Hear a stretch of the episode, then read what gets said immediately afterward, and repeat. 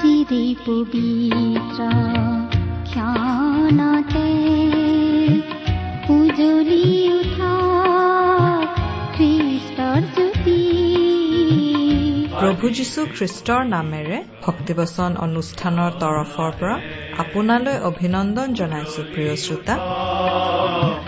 খ্ৰীষ্টৰ জ্যোতি আকাশ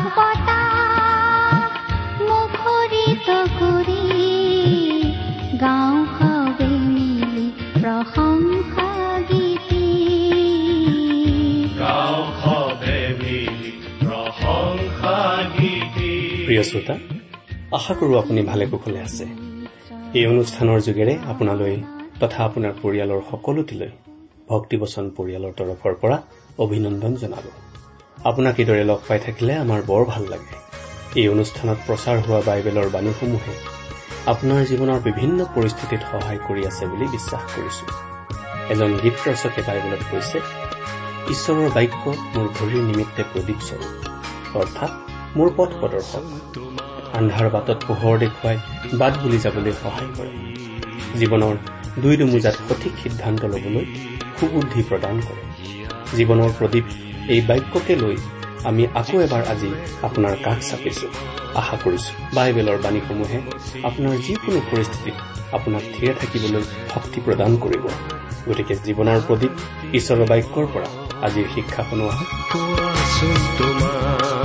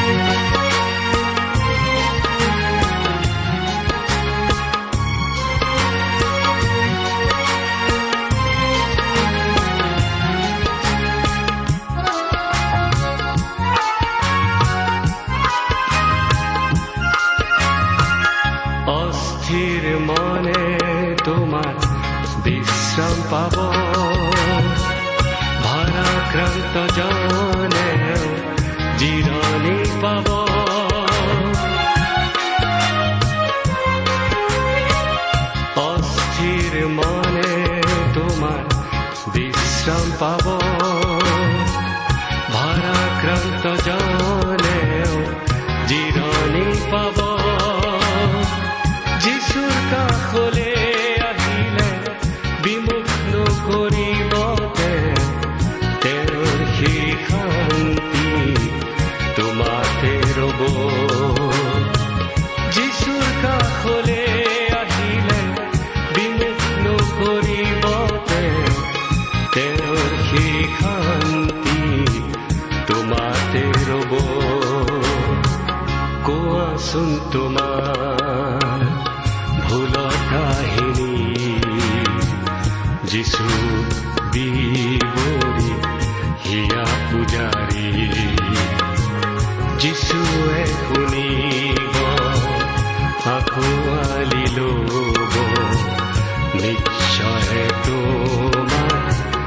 ক্ষমা কৰিব কোৱাচোন তোমাৰ ভুলৰ কাহিনী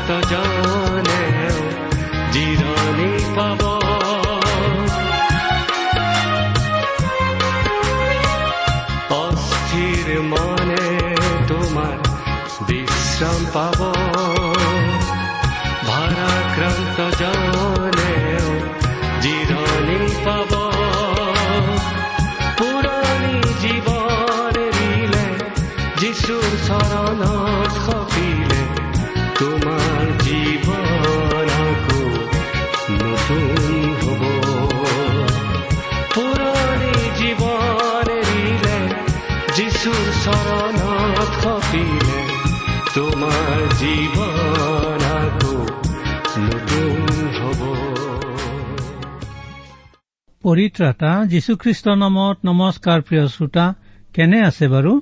বিশ্বাস কৰো ঈশ্বৰে আপোনাক কুশলে মংগলে ৰাখিছে। লগতে বিশ্বাস কৰো যে আপুনি আমাৰ ভক্তিবচন অনুষ্ঠানৰ জৰিয়তে ধাৰাবাহিক বাইবেল অধ্যয়ন শুনি আছে। প্ৰিয় শ্ৰোতা ঈশ্বৰৰ বাক্য সদায় শ্ৰৱণ কৰিব লাগে। তেতিয়াহে ঈশ্বৰে আপোনাক আশীৰ্বাদ কৰিব। আপুনিও ঈশ্বৰৰ বিষয়ে অধিককৈ জানিব পাৰিব। আমি ইতিমধ্যে আলোচনা কৰিছো যে ঈশ্বৰৰ বিষয়ে জনাতকৈ ঈশ্বৰক ব্যক্তিগতভাৱে জনা বেছি আৱশ্যক। অৱশ্যে আমি প্ৰথমতে ঈশ্বৰৰ বাক্য অধ্যয়ন কৰিব লাগিব। আহক আমি আজি কলচীয়া পুস্তকৰ দুই অধ্যায় এঘাৰ পদৰ পৰা তেইছ পদলৈকে আলোচনা কৰো। তাৰ আগতে আহক আমি ঈশ্বৰক ধন্যবাদ জনাই তেওঁৰ সহায় বিচাৰি তেওঁৰ গুৰিত প্ৰাৰ্থনা কৰো হওক। হে আমাৰ দয়ালু মহান পৰমেশ্বৰ ঈশ্বৰ আপোনাক ধন্যবাদ দিওঁ আৰু আপোনাৰ নামৰ গৌৰৱ স্তুতি কৰো।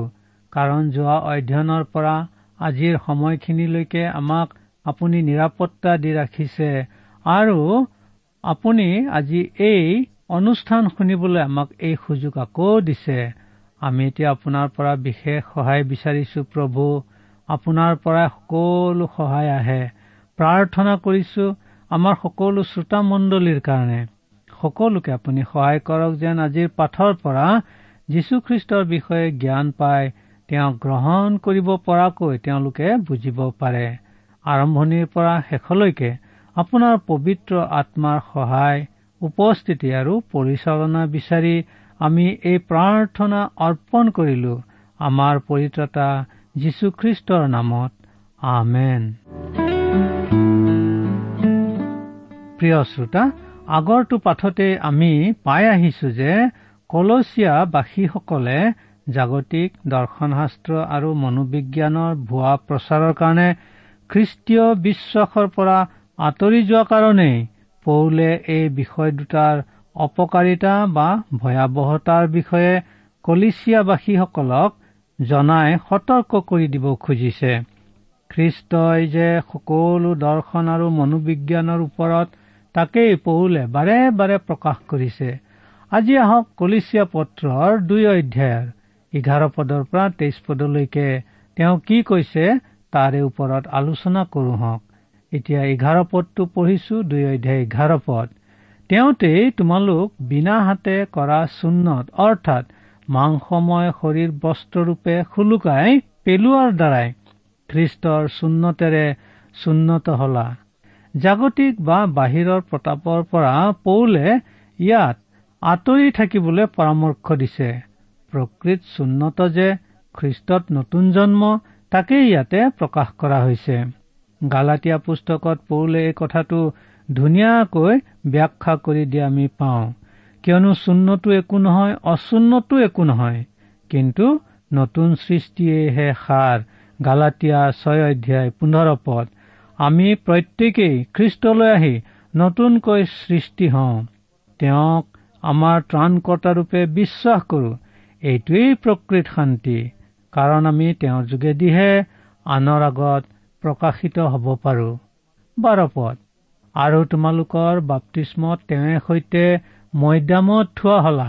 আৰু সেই বাপ্তিস্মতেই মৃত্যুবিলাকৰ মাজৰ পৰা তেওঁক তোলা ঈশ্বৰৰ কাৰ্যসাধনত যি বিশ্বাস তাৰ দ্বাৰাই তেওঁৰ সৈতে তোলাও হলা। যীশুখ্ৰীষ্টৰ মৃত্যু আৰু পুনৰ উত্থান এটা ঐতিহাসিক সত্য ঘটনা। যেতিয়া খ্ৰীষ্টই মৰে তেতিয়া মই বা আপুনি প্ৰত্যেকেই তেওঁৰ সৈতে মৰো তেওঁ আমাৰ ঠাই ললে। আৰু যেতিয়া তেওঁ পুনৰুত্থিত হৈছিল আমি তেওঁৰে সৈতে সকলোৱে পুনৰুত্থিত হলো। এতিয়া আমি জীৱন্ত খ্ৰীষ্টৰ সৈতে বসবাস কৰিছো। এই এটা আচৰিত কথা যে আমি এতিয়া জীৱন্ত খ্ৰীষ্টৰ সৈতে একেলগে বসবাস কৰিছো। এতিয়া এই কথাটো আমি মনত ৰখাটো অতিকৈ প্ৰয়োজন যে আমি কোনো জাগতিক উপায়েৰে খ্ৰীষ্টৰ সৈতে মিলন হোৱা নাই। আমি এতিয়া খ্ৰীষ্টত নতুনকৈ জন্ম পোৱা লোক হৈছো। আপুনি নতুনকৈ জন্ম পোৱা লোক হৈছেনে বাৰু?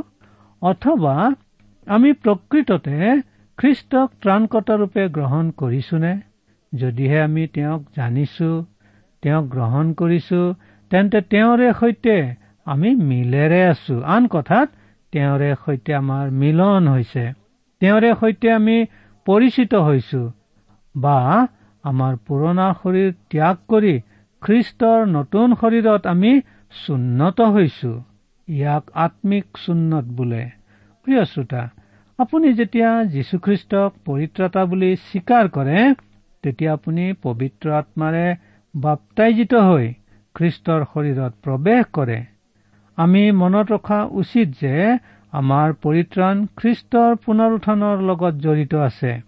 ই কোনো দৰ্শনবিদ্যা বা মনোবিজ্ঞানৰ লগত জড়িত থকা কথা নহয়। ই কোনো যাদু বা তেনে কোনো খেল নহয়।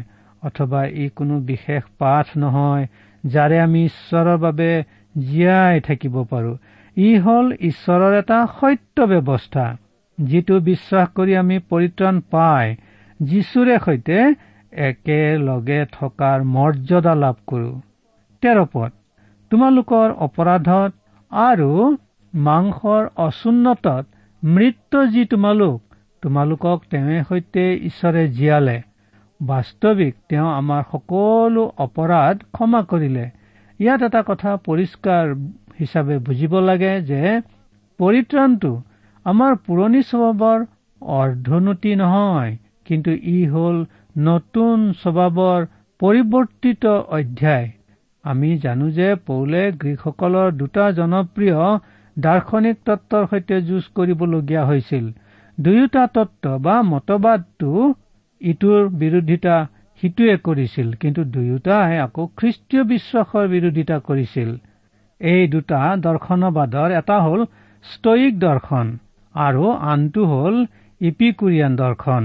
এতিয়া এই দৰ্শনবোৰে কি কয় তাক চমুকৈ আলোচনা কৰো। ষ্টয়িক দৰ্শনে কয় মানুহ সজ জীৱন যাপন কৰি পৈন্য অৰ্জন কৰিব লাগে। মৃত্যুৰ পাছত আৰু একো নাই। মানুহতকৈ আত্মাটো ডাঙৰ। অথবা এই বিশ্বত আত্মাৰ সমান কোনো নাই। ই এটা বৰ শক্তিশালী মতবাদ যদিও ইয়াৰ দুৰ্বলতা আছিল। পৰিত্ৰাতা প্ৰভু যীশুখ্ৰীষ্টক নজনাটোৱেই ইয়াৰ ডাঙৰ দুৰ্বলতা। পৰ্বতত দিয়া উপদেশবোৰত তেওঁলোকে ভাল বুলি গ্ৰহণ কৰে কিন্তু কোনে সেই উপদেশ দিলে তেওঁক হলে তেওঁলোকে গ্ৰহণ নকৰে। ইপিকুৰীয় দৰ্শনবাদে কয় যে সকলো অসাৰ এই জগতৰ একোৰে নিশ্চয়তা নাই। কৰ পৰা আহিছো আৰু কলৈ আমি যাম এই বিষয়ে আমি একো নাজানো। আমি মাত্ৰ ইয়াকে জানো যে অলপ সময়ৰ পাছতে আমি নাইকিয়া হৈ যাম। সেয়ে সন্মুখত পোৱা সকলো বস্তুৰে আমি আনন্দ কৰিব পাৰো। খোৱা বোৱা আৰু আনন্দ কৰা কাৰণ অহাকালি এইটো দিনৰ সুযোগ আমি নাপাবও পাৰো। কিন্তু প্ৰিয় শ্ৰোতা এই মজাৰ কথাটো কি বুজি পাইছেনে? দুয়োটা দৰ্শনত জগতৰ মাংসিক অভিলাষৰ বৰ্ণনা কৰা আছে যাক আমাৰ পুৰণি স্বভাৱৰ অনুৰূপ বুলি আমি ক'ব পাৰো। নতুন স্বভাৱৰ কথা এওঁলোকে উপলব্ধি কৰিব পৰা নাই। খ্ৰীষ্টত থাকিলে আমাৰ নতুন সৃষ্টি হয় ইয়াক তেওঁলোকে উপলব্ধি কৰিব পৰা নাই। কাৰণ এই দৰ্শনবাদত যীশুখ্ৰীষ্টৰ উপস্থিতি নাই এনেকুৱা বেলেগ বেলেগ দৰ্শনবাদে আমাক বিভ্ৰান্ত কৰিব পাৰে। কিন্তু খ্ৰীষ্টক জীৱনৰ কেন্দ্ৰবিন্দু নহলে কোনো উপায় আমাৰ নাই। আমি জীৱন্ত খ্ৰীষ্টৰ সৈতে মিলন হ'ব লাগে। আমাৰ সকলো প্ৰচেষ্টাৰে খ্ৰীষ্টৰ লগত থাকিব লাগে। সেইটোহে প্ৰকৃত জীৱন। এওঁলোকে কয় আহা খাওঁ বওঁ আৰু ফূৰ্তি কৰো। কিয়নো কাইলৈ আমি মৰিম। কিন্তু প্ৰিয় শ্ৰোতা আমি খ্ৰীষ্টত আশ্ৰয় লোৱা লোকসকলে যিসকলে আমি খ্ৰীষ্টক আমাৰ পৰিত্ৰতা আৰু প্ৰভুৰূপে গ্ৰহণ কৰিছো আমি সকলোৱে জানো যে আমি কাইলৈ কেতিয়াও নমৰো কাৰণ প্ৰভু যীশু খ্ৰীষ্টই দান কৰা যি অনন্ত জীৱন সেই জীৱন আমি গ্ৰহণ কৰিছো। আমি নেখাওঁ আমি নবওঁ আৰু কাইলৈ আমি নমৰো কাৰণ কাইলৈ আমি অনন্ত জীৱনৰ অধিকাৰী হ'ম। কলিচিয়া এতিয়া দুই অধ্যায় চৈধ্য পদ। আমাৰ বিৰুদ্ধে আজ্ঞাসমূহ থকা যি হাতে লিখাখন আমাৰ বিপক্ষে আছিল তাক মাৰি পেলালে আৰু গজাল মাৰি ক্ৰুচত লগাই দি তাক দূৰ কৰিলে। আমাৰ বিৰুদ্ধে থকা আজ্ঞাসমূহ মানে খ্ৰীষ্টক জনাৰ আগতে আমাৰ গন্তব্য স্থান আছিল অনন্ত নৰক। কিন্তু খ্ৰীষ্টক জনাৰ পাছত আমাৰ বিপক্ষে থকা সকলো অপৰাধ ক্ষমা হৈ গৈছে। তেৱেই আমাৰ সকলো অপৰাধ মূৰ পাতি লৈছে। খ্ৰীষ্টই যেতিয়া মৰিলে তেতিয়া পিলাত ৰজাই তেওঁৰ মৈদামৰ ওপৰত লিখিছিল নাচৰতীয় যীশু যিহুদীবিলাকৰ ৰজা। এই লিখনিৰ উদ্দেশ্য আছিল যেন মানুহে পঢ়িলেই বুজিব পাৰে খ্ৰীষ্ট এজন ৰাজদ্ৰোহী আছিল। এয়া আচলতে মিছা অভিযোগহে আছিল। তেওঁলৈ মিছা অপবাদ দিয়া হৈছিল। আচলতে তেওঁ ৰাজদ্ৰোহী নাছিল তেওঁ নিষ্পাপ আছিল।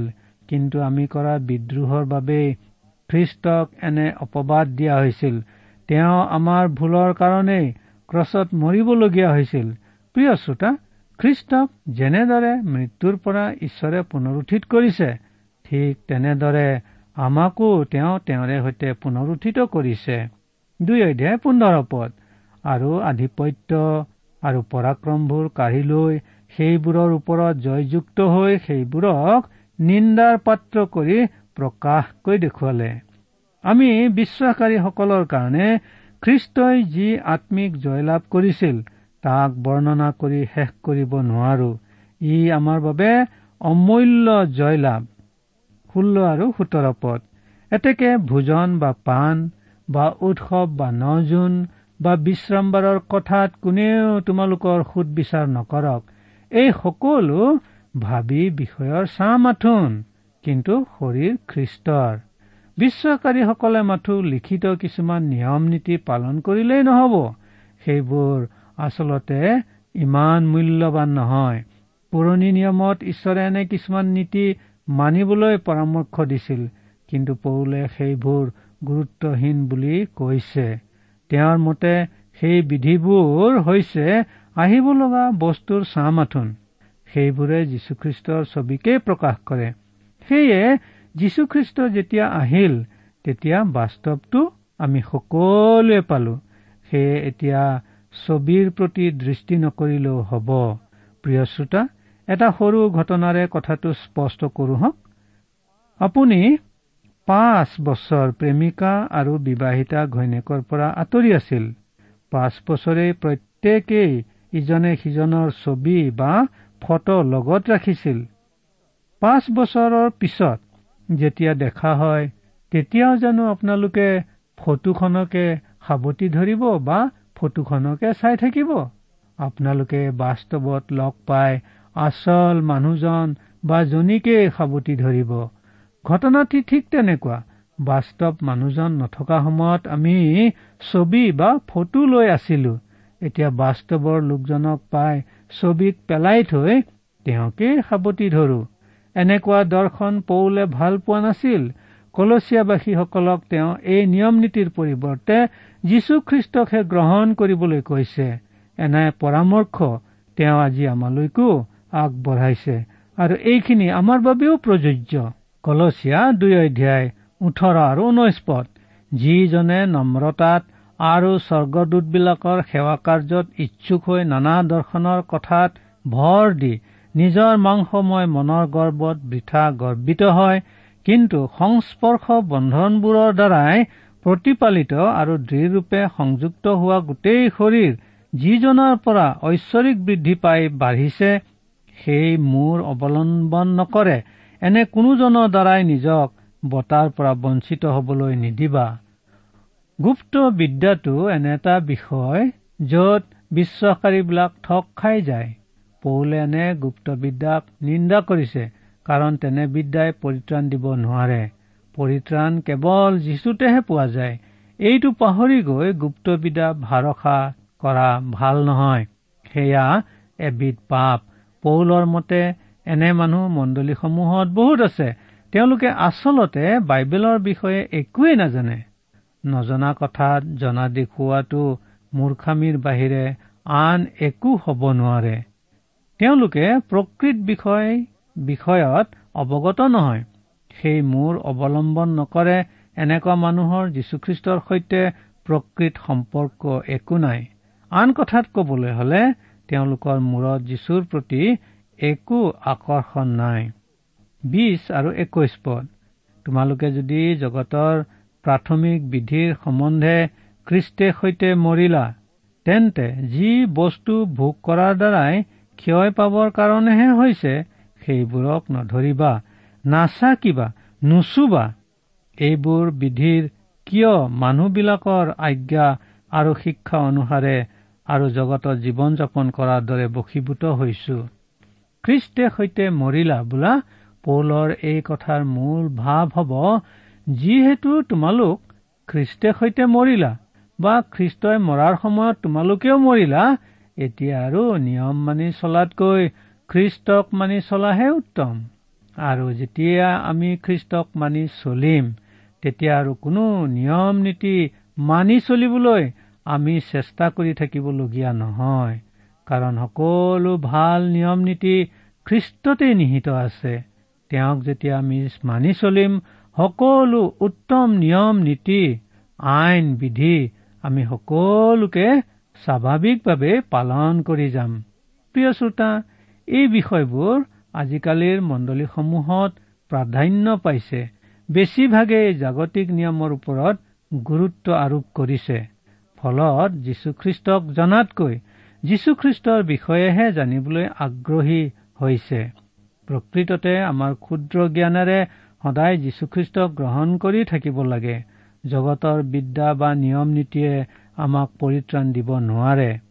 প্ৰিয় শ্ৰোতা প্ৰভু যীশু খ্ৰীষ্টৰ বিষয়ে জনা আৰু প্ৰভু যীশু খ্ৰীষ্টক স্বয়ং জনা এই দুটাৰ মাজত পাৰ্থক্য আছে। আপুনি প্ৰভু যীশু খ্ৰীষ্টৰ বিষয়ে খুবেই জানিব পাৰে। কিন্তু যদি প্ৰভু যীশু খ্ৰীষ্টক স্বয়ং নাজানে তেন্তে আপোনাৰ একো লাভ নহব। প্ৰভু যীশু খ্ৰীষ্টক বিশ্বাস নকৰা বহু লোক আছে জ্ঞানী গুণী লোকসকল আছে আৰু পণ্ডিতসকল আছে যিসকলে প্ৰভু যীশু খ্ৰীষ্টৰ বিষয়ে তন্ন তন্নকৈ জানে বৰ গভীৰভাৱে জানে কিন্তু তেওঁক হলে তেওঁলোকে নাজানে আৰু সেইকাৰণে তেওঁক তেওঁলোকে গ্ৰহণো নকৰে তেওঁত বিশ্বাসো নকৰে। সেইকাৰণে জগতৰ বিদ্যা বা নীতিয়ে সেইদৰেই আমাক পৰিত্ৰাণ দিব নোৱাৰে সেয়ে আমি যেন জগতৰ নিয়মৰ বশীভূত নহওঁ কিন্তু খ্ৰীষ্টৰহে বশীভূত হওঁ এনে পৰামৰ্শ পৌলে এই চিঠিখনৰ যোগেদি আমালৈ আগবঢ়াইছে এতিয়া বাইশ আৰু তেইশ পদ নিজ ইচ্ছাৰ ভজনা নম্ৰতা আৰু শৰীৰক দুখ দিয়া এইবোৰৰ দ্বাৰাই সেইবোৰ আজ্ঞা আৰু শিক্ষা জ্ঞানৰ কথা যেন দেখা যায় হয় কিন্তু মাংসৰ অভিলাষ দমন কৰিবলৈ একো সাৰ্থক নহয়। নিজ ইচ্ছাৰ ভজনা অৰ্থাৎ আমি যদি নিজৰ ইচ্ছাৰে ভজনা কৰিছো তেন্তে কাক সন্তুষ্ট কৰিছো? আমাক নিজকে নে ঈশ্বৰক? মই নিজকে অস্বীকাৰ কৰো আৰু এইবোৰ কৰ্ম মই নকৰো। যীশুৱে কৈছে মোলৈ চোৱা মই সঁচাকৈয়ে পোহৰ বিলাইছো। আৰু প্ৰতিটো ৰাতিপুৱাতে তোমাক উজ্বলাই তুলিছো। তেন্তে প্ৰিয় শ্ৰোতা আপুনি কাক সন্তুষ্ট কৰিব? আপোনাক নে ঈশ্বৰক? আমি নিঃসন্দেহে ঈশ্বৰকে সন্তুষ্ট কৰাই বুদ্ধিমানৰ কাম। আমি আমাৰ ইচ্ছা অনুসাৰে ভজনা কৰা মানে নিজৰ শৰীৰক আৰাম দিয়া নহয় জানো? কিন্তু মই আচলতে সেইটো নকৰি কষ্টহে দিছো। কিন্তু মাংসৰ অভিলাষ দূৰ কৰিবলৈ একো সাৰ্থক নহয় বুলি কোৱা হৈছে। একো সাৰ্থক নহয় বা একো লাভ নহয় কাৰণ ইয়াত একো মূল্যই নাই। প্ৰিয় শ্ৰোতা নিজৰ ইচ্ছাতে কিবা কৰা প্ৰকৃততে ঈশ্বৰক সন্তুষ্ট কৰিবলৈ কৰা নহয়। ঈশ্বৰৰ ইচ্ছাৰ দৰে কৰাটোতহে ঈশ্বৰ সন্তুষ্ট হয় কাৰণ সেয়া তেওঁৰহে ইচ্ছা তেওঁৰহে পৰিকল্পনা তেওঁৰ দৰেহে হয়। আপুনি যদিহে ঈশ্বৰৰ বাটত খোজ দিয়ে তেতিয়াহে আপুনি প্ৰকৃত শান্তি পাব। কাৰণ তেতিয়াহে আপুনি খ্ৰীষ্টৰ দৰে সকলো কৰিবলৈ প্ৰস্তুত থাকিব পাৰিব। ইয়াতে আপোনাৰ আনন্দ আৰু সুখ থাকিব। প্ৰিয় শ্ৰোতা আহক আমি আমাৰ ওপৰত নিৰ্ভৰ নকৰি ঈশ্বৰৰ ওপৰত নিৰ্ভৰ কৰো হওক। যীশুখ্ৰীষ্টই সদায় আপোনাক কাষত পাব বিচাৰে। এইখিনিতে কওঁ যে আজিলৈ আমাৰ এই কথাতে সামৰি মই মাৰিব খুজিছো যদিও এই কথাটো বৰ দৰকাৰ। আমি যেন আটাইয়ে এই কথা মনত ৰাখো। কাৰণ এই যুগত এই ঘটনাই ঘটিছে। আমি সকলোৱে নিজৰ বুদ্ধি নিজৰ জ্ঞানৰ ওপৰত থিয় হবলৈ বিচাৰো। শেষত আমাৰ প্ৰাৰ্থনা আজিৰ পাঠৰ পৰা যেন আপুনি উপকৃত হয় আৰু তাৰ দ্বাৰাই যেন ঈশ্বৰে আপোনাক আশীৰ্বাদ কৰে। এই পাঠৰ পৰা আপুনি কি আশীৰ্বাদ লাভ কৰিছে? আপুনি দয়া কৰি পত্ৰৰ দ্বাৰাই আমাক জনাবচোন। আৰু কিবা যদি জানিবলগীয়া আছে বা বুজিবলগীয়াও আছে আমাক যদি আপুনি জানিবলৈ দিয়ে আপোনাক সহায় কৰিবলৈ আমি চেষ্টা কৰিম। আজিলৈ ইমানতে সামৰিছো। ঈশ্বৰে আপোনাক আশীৰ্বাদ কৰক। প্ৰিয় শ্ৰোতা ইমান পৰে আপুনি বাইবেল শাস্ত্ৰৰ পৰা ঈশ্বৰৰ বাক্য শুনিলে। এই বিষয়ে আপোনাৰ মতামত জানিবলৈ পালে আমি নথৈ আনন্দিত হ'ম। আমি প্ৰস্তুত কৰা বাইবেল অধ্যয়নৰ চিডিসমূহ পাব বিচাৰিলে আৰু অনুষ্ঠানত প্ৰচাৰ কৰা কোনো কথা বুজিব লগা থাকিলেও আমালৈ লিখক আমাৰ যোগাযোগৰ ঠিকনা ভক্তিবচন ট্ৰান্সৱৰ্ল্ড ৰেডিঅ' ইণ্ডিয়া ডাক বাকচ নম্বৰ সাত শূন্য গুৱাহাটী সাত আঠ এক শূন্য শূন্য এক।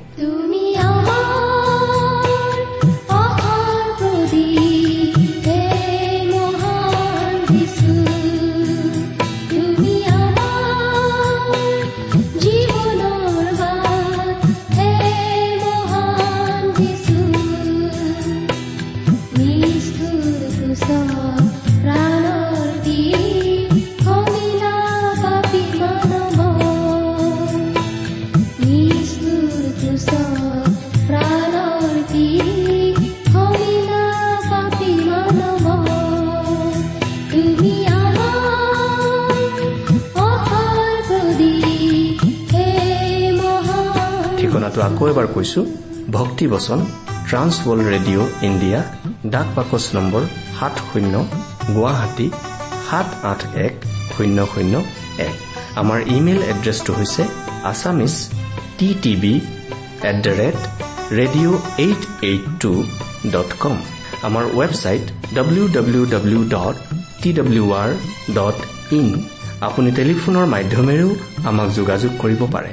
আমাৰ টেলিফোন নম্বৰটো হৈছে nine eight five four zero' four zero' eight eight nine.